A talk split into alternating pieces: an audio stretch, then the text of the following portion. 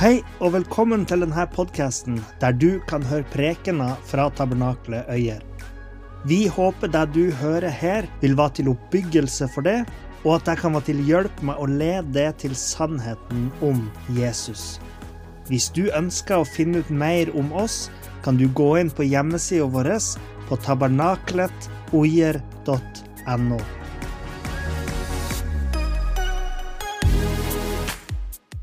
Jeg skal fortsette der jeg slapp sist uke. For da snakka jeg om det å bli rensa, og jeg fortalte om en mann som heter Naman, som vi leser om i, i kongebøkene. Og, og, Naman han opplevde det å bli rensa. Ikke bare å um, bli rensa utenpå, fordi han, uh, han tok seg noen bad i ei elv som Gud hadde befalt han om, men han ble òg rensa fra sin stolthet som var den viktigste renselsen. Gud ydmyka han. Og eh, Naman måtte bare ta imot Guds renselse. Han fikk ikke betale for den eller arbeid for den, men han måtte, han måtte gi all æren til Gud. Han fikk ingen fortjeneste for det. Og hvorfor er det sånn at vi ikke kan bare være stolt og sta og liksom bare Jobb for å få renselse fra Gud. Jobb for å oppnå åndelig renhet, liksom. Hvorfor må vi bøye oss for Gud og gi ære til Han? Jo, det er fordi at den stoltheten vi snakker om her, den skaper en form for arroganse og egoisme i oss mennesker som hindrer oss i å gi Gud den æren han fortjener. Så den stoltheten den står i veien for å anerkjenne hvem Gud er, hva han har gjort, og hva han betyr for oss. Og det står i veien for vår erkjennelse og bekjennelse av at det er noe som er gærent med oss mennesker. Vi har en mangel, og vi er syndige og er kommet bort ifra Gud. Det er jo sånn at Vi mennesker er nødt til å anerkjenne at vi er utilstrekkelige for å komme til Gud.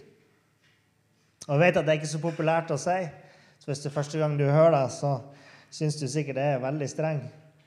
Men det er Bibelens ord til oss. Vi må anerkjenne at vi er utilstrekkelige for å frelse oss sjøl.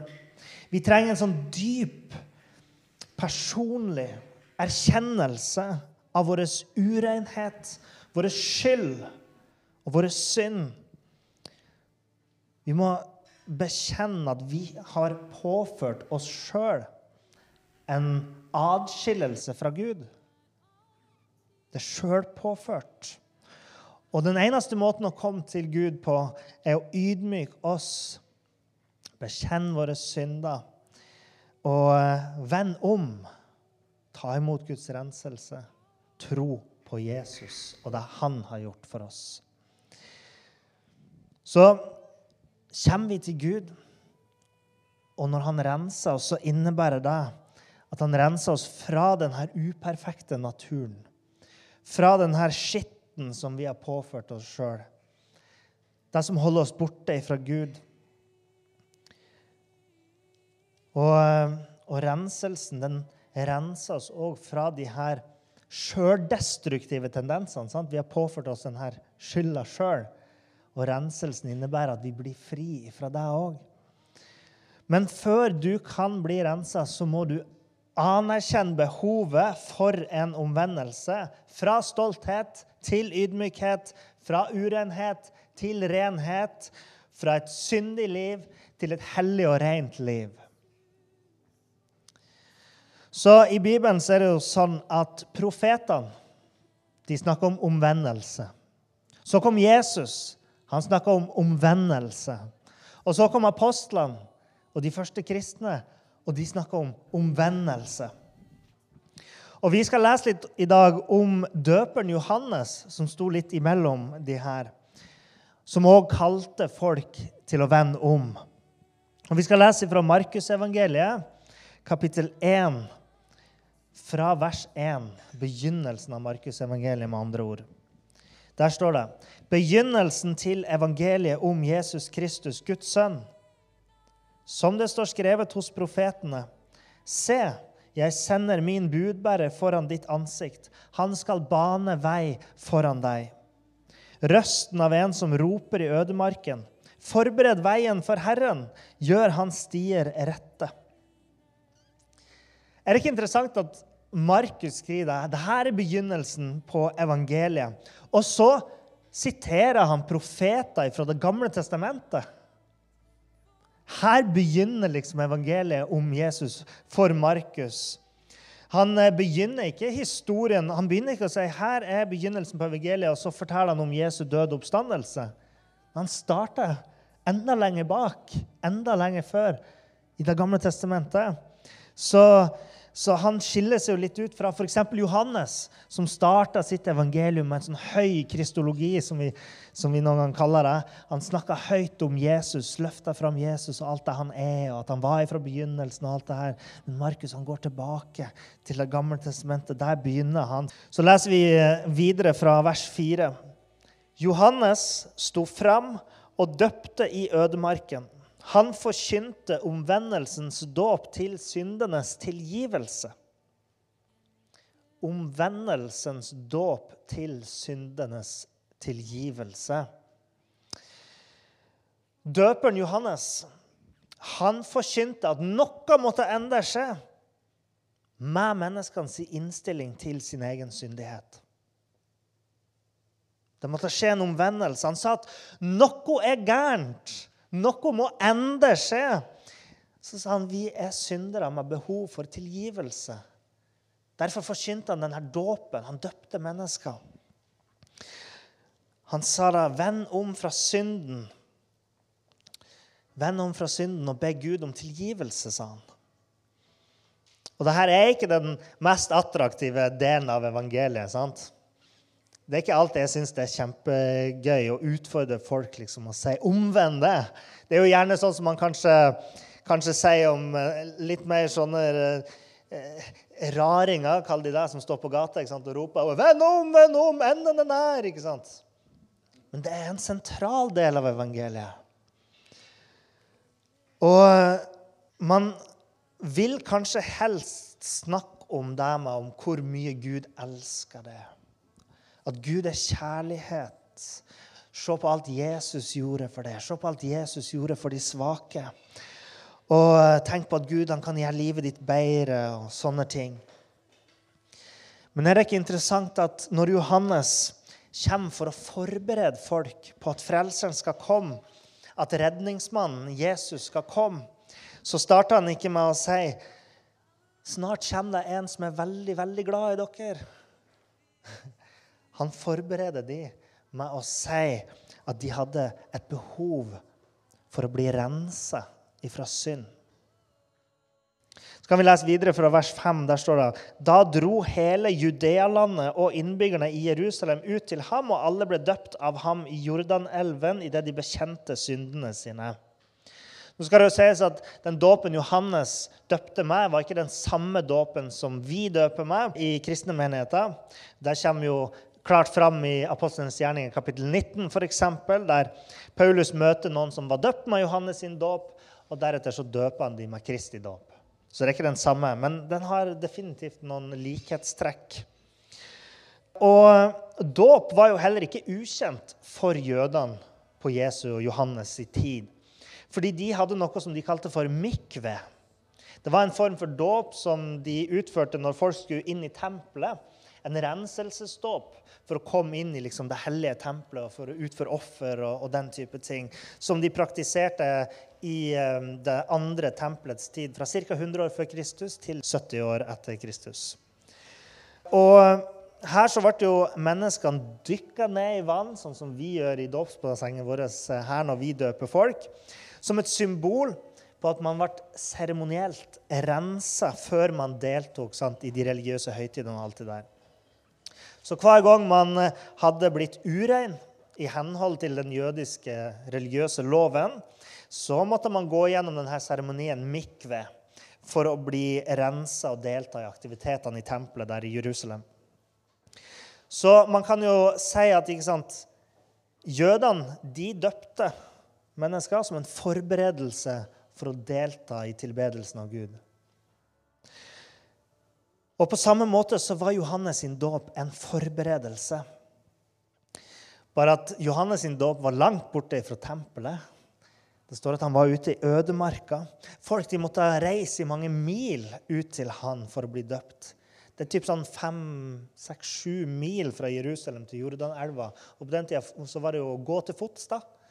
Så folk kom fra Jerusalem for å bli døpt til han ute i ødemarka. Når de kom dit, så fikk de, så fikk de høre ikke bare at du trenger noen ytre handlinger liksom, for å komme inn i tempelet, sånn som de holdt på borte i Jerusalem, og så kan du fortsette sånn som før. Eh, nei, de fikk høre at du var personlig ansvarlig for dine synder. Og Derfor så ville Johannes at alle skulle komme dit og bekjenne sine personlige synder. Og Johannes eh, sa at det krevde ikke bare ei rituell handling, men det krevde en personlig omvendelse. Det handla ikke bare om vannet som vaska kroppen, men det handla om den personlige omvendelsen. Dåpen bare markerte det. Dåpen var jo mye mer enn en ytre renselse. Den representerte at det hadde skjedd en omvendelse i hjertet og sinnet på de som døpte seg. De vendte seg fra synden til tilgivelse fra syndene. Det var liksom ei reorientering i måten de tenkte på, uh, om hvordan de tenkte over sitt forhold til Gud på. Og du som er her i dag, kalles òg til den samme omvendelsen. Du kalles til gjenopprettelse i ditt forhold med Gud. Du trenger ei kalibrering, sant? Eller ei omprogrammering, for å bruke et, et mer vanlig ord, kanskje. Sånn at du forstår hva synden er, og hva den gjør med det.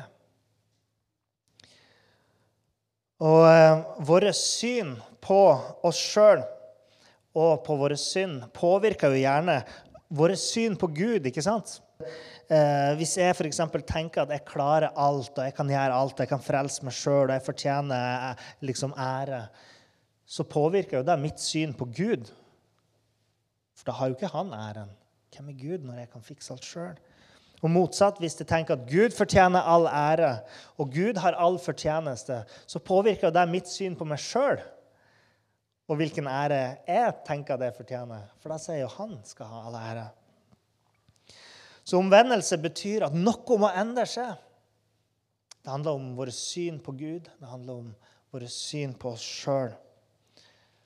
Å vende seg om fra stoltheten og bli rensa handler jo om å anerkjenne at Gud fortjener all ære.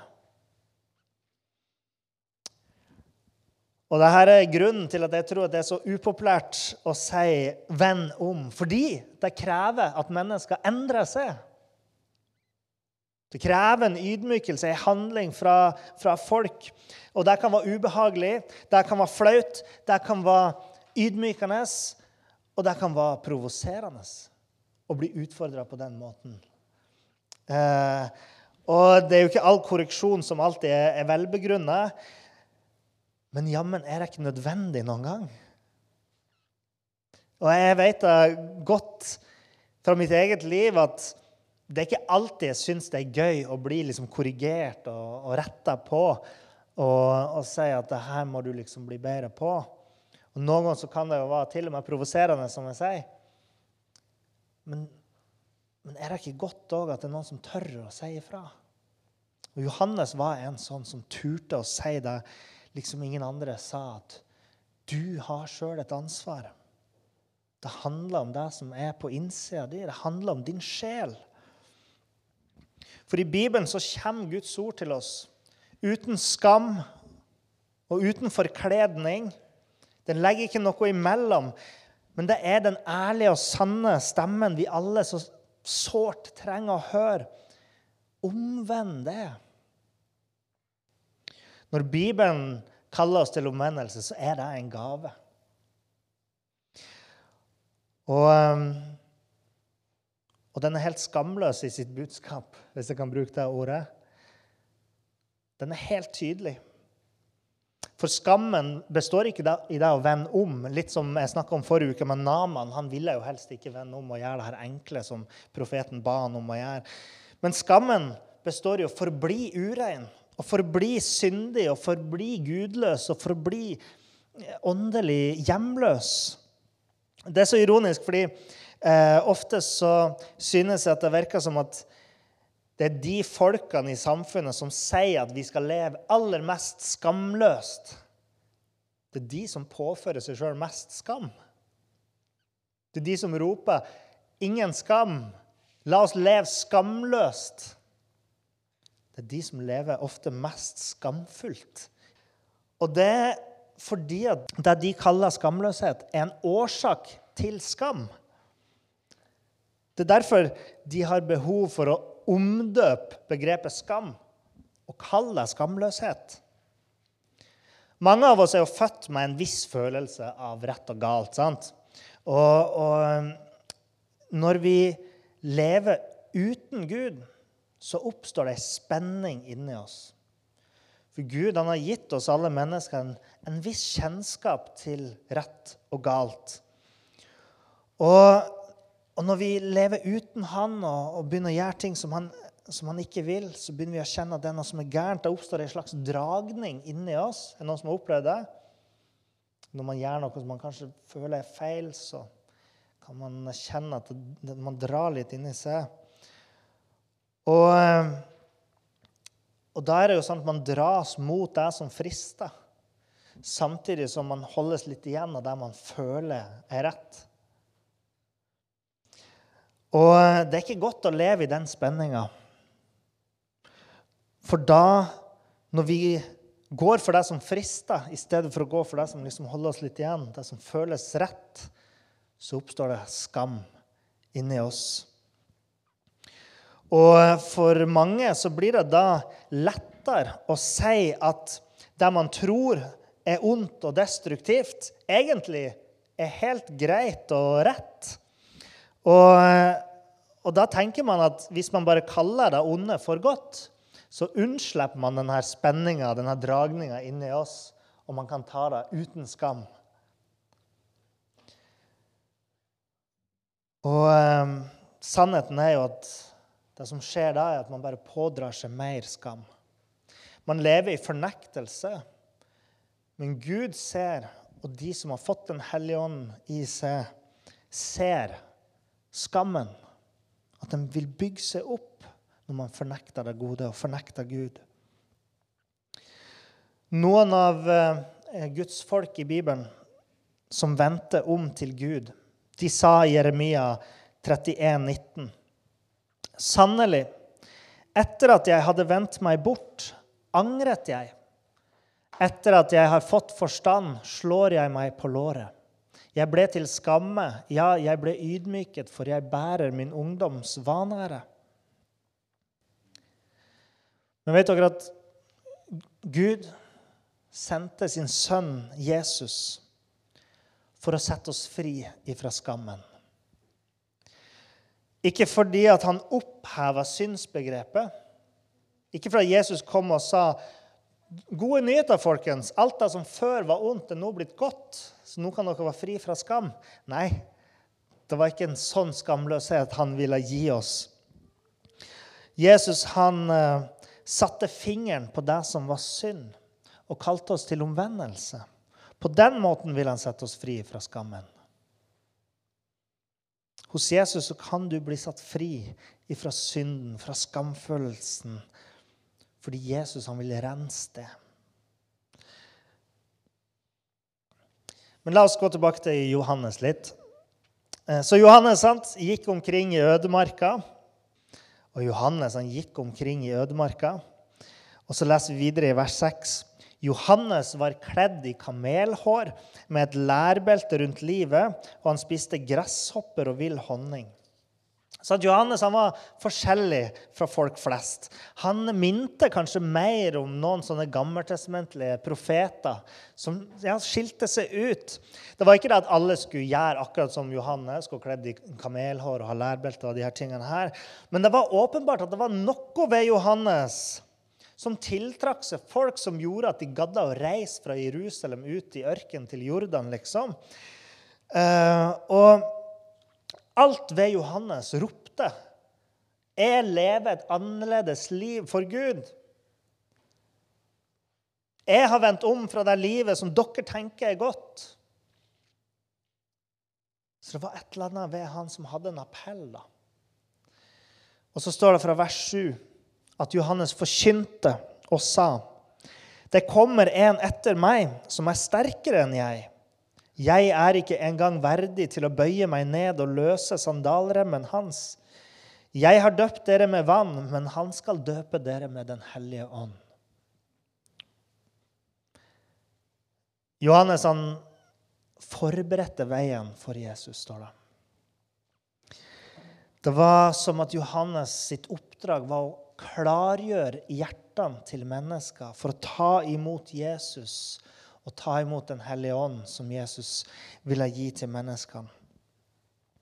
En engel, eh, engel sa om Johannes i Lukas evangelium, kapittel 1, vers 15-17. For han skal være stor for Herren, og han skal verken drikke vin eller sterk drikk. Han skal også være fylt med Den hellige ånd helt fra han er i mors liv. Og han skal omvende mange av Israels barn til Herren deres Gud. Han skal også gå foran ham i Elias ånd og kraft for å vende fedrenes hjerter til barna og de ulydige til det rettferdiges visdom, for å gjøre i stand et vel forberedt folk for Herren. Han skulle gjøre i stand et vel forberedt folk for Herren. For hvis omvendelsens dåp til syndenes tilgivelse allerede hadde funnet sted, så var jo veien åpen for at de kunne ta imot Jesus og ta imot Den hellige ånd. For da var de jo forberedt. Da hadde de allerede omvendt seg i sine hjerter. Omvendelse er det første steget til å komme til Gud. Omvendelsen innebærer angeren, sorgen over det man har gjort gærent. Det innebærer ønske om fornyelse og reorientering. En nyskapelse i oss. Omvendelsen innebærer ei endring i fokus fra synden til Gud. Og Johannes han gikk da rundt og hjalp folk til å oppdage behovet for omvendelse. Og han markerte det ved å døpe dem i vann.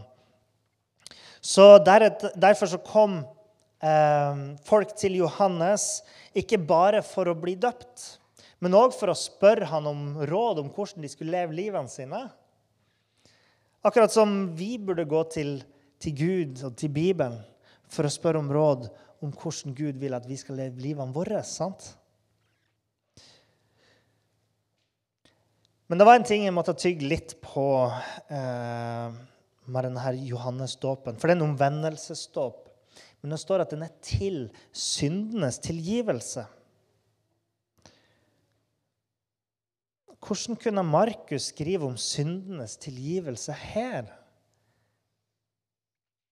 For hva var det Moseloven lærte om renselse fra synd? Hva måtte folket gjøre for å bli rensa fra synd? Noen som husker det? Offer. De ofra. Derfor hadde de et tempel. De hadde et helt svært system for å bli rensa fra sin synd. Et offersystem. Prestene måtte ha offer i tempelet. Bibelen sier at syndens lønn er døden.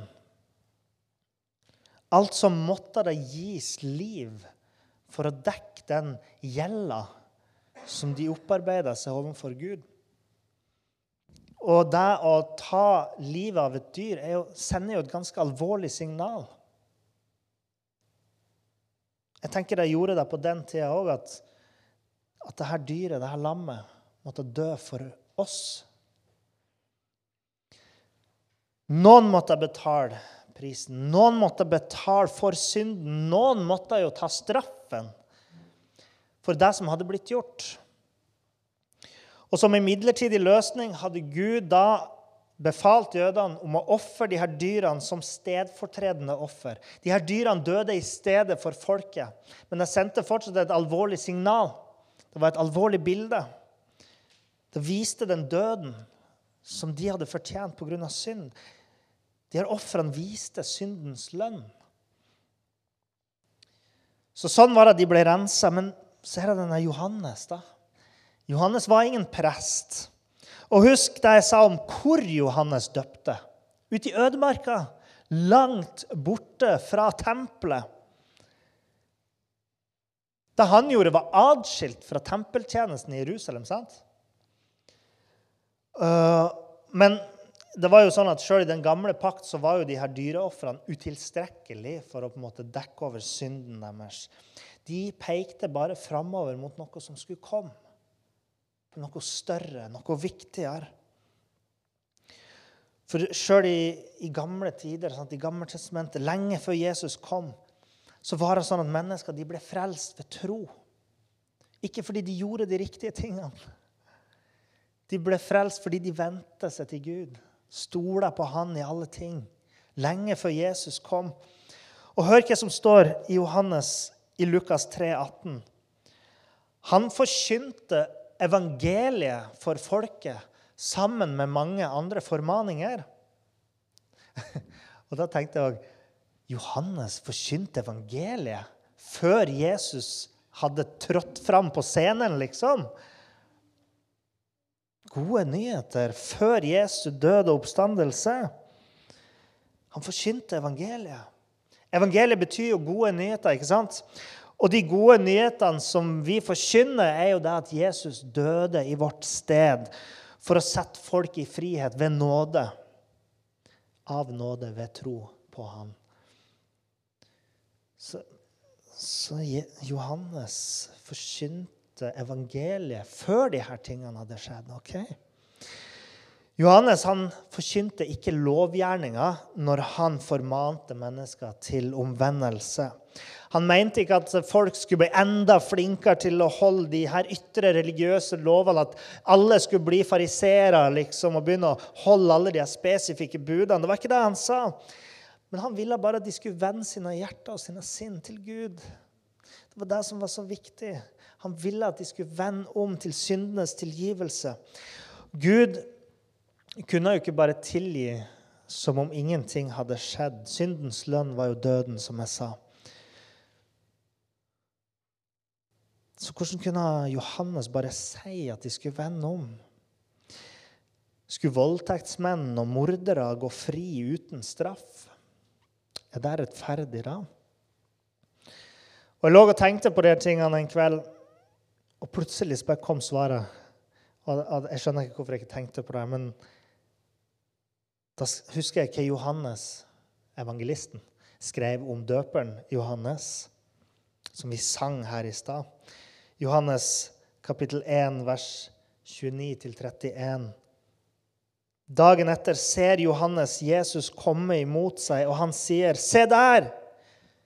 Guds lam som bærer verdens synd.'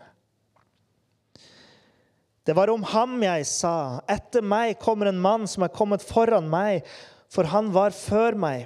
Jeg kjente ham ikke, men for at han skulle bli åpenbart for Israel, er jeg kommet for å døpe med vann. Jesus var Guds lam. Jesus var den som skulle bære verdens synd. Han skulle ta straffen for alle sin synd. Johannes kunne si, 'Vend om og bli tilgitt', fordi at Jesus skulle ta all verdens synd på seg.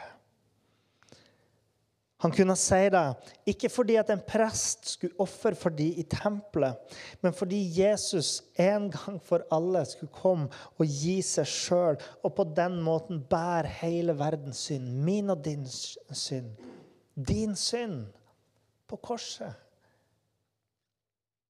Straffen ble lagt på han for at vi skulle få fred.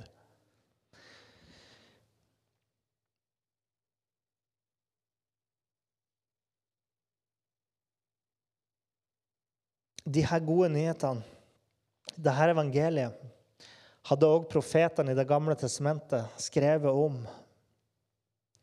Evangeliet begynte å bli fortalt lenge før Jesus kom. Jesus bare gjorde det som var grunnlaget for at noen som helst kunne bli tilgitt i Gud. Profeten Jesaja, som profeterte om Johannes, han skrev òg om Jesus. Han som lik et lam ble ledet bort for å slaktes. Jesaja han sa, 'Ved hans sår har vi fått legedom'. Jesaja skrev nå husker jeg ikke akkurat 700 år før Jesu tid, tror jeg. Og så sier han, 'Ved hans sår har vi fått legedom'. Det var evangeliet lenge før Jesus kom. Fordi hvorvidt man levde før eller etter Jesus, så var tilgivelse for syndene våre, nåde for lovbruddene våre, noe som kunne gis eh, fordi Jesus tok straffen for oss. Johannesdåpen representerte da den åndelige renselsen som skulle komme til dem. Den pekte framover mot dåpen i Kristus, framover mot den tida da syndenes tilgivelse ble framskaffa av Jesus på korset. Johannes forberedte veien. Han la grunnlaget, og, og, og han, han, forberedte et folk for Herren. Han, eh, han eh, liksom rydda veien for Jesus, eller gjorde ting klart på veien for Jesus ved å rense folket før de kom inn i den aller helligstes nærhet. Han gjorde i stand et vel forberedt folk. Han gjorde de klar, prima de for å ta imot evangeliet, liksom. Og tenk tilbake på den jødiske skikken mikve, der de døpte folk før de kom inn i tempelet. Tempelet var hellig. Så de hadde en omvendelsesdåp eller en renselsesdåp før de gikk inn i det helligste. Johannes døpte mennesker før de skulle møte den aller helligste.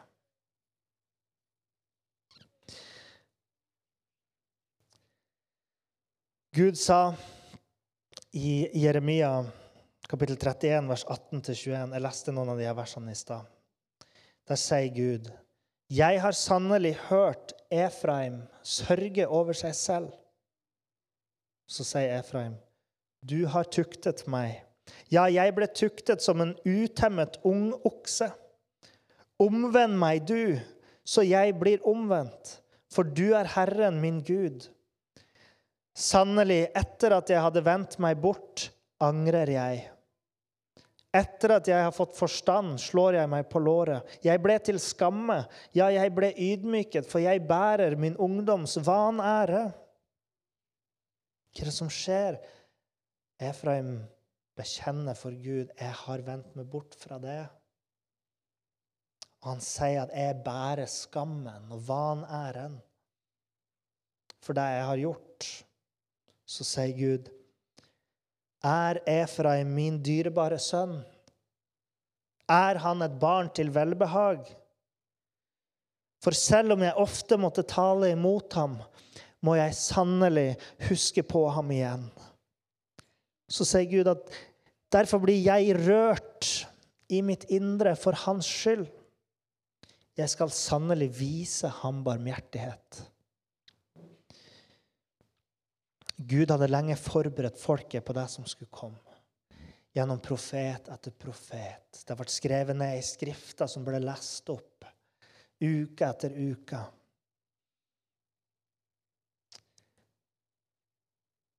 Og eh, de som trodde, de som var som Efraim, den delen av det jødiske folk som vendte om til Herren, de levde om håpet om det som skulle komme. De hadde det håpet som, om det som skulle skje når Jesus kom.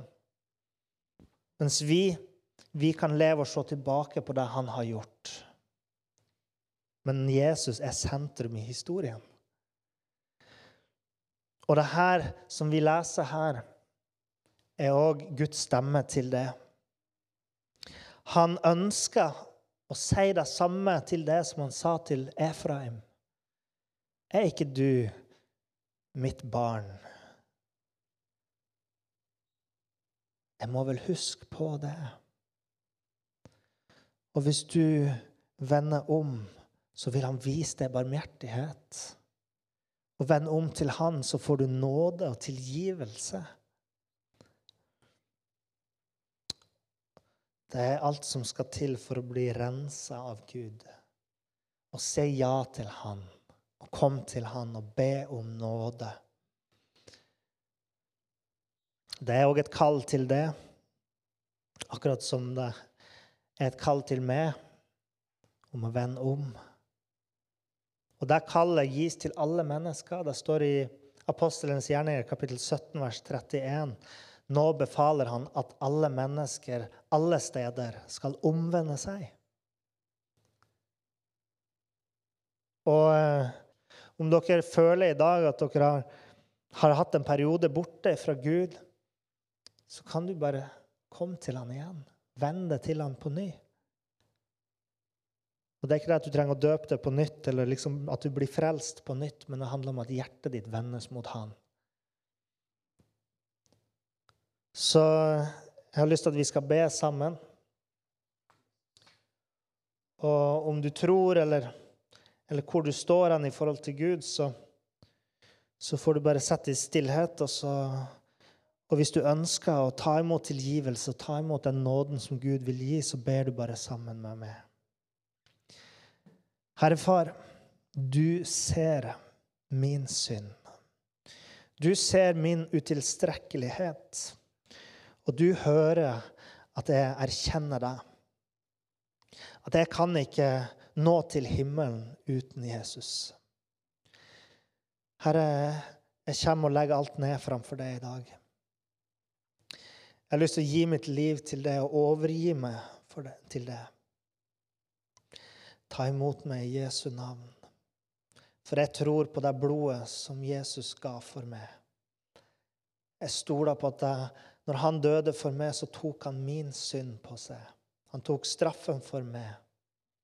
Og jeg tror at når han sto opp igjen, så sto han opp for oss alle. Og ga oss håp om at jeg en dag kan få stå opp til et nytt liv i Jesus. Amen.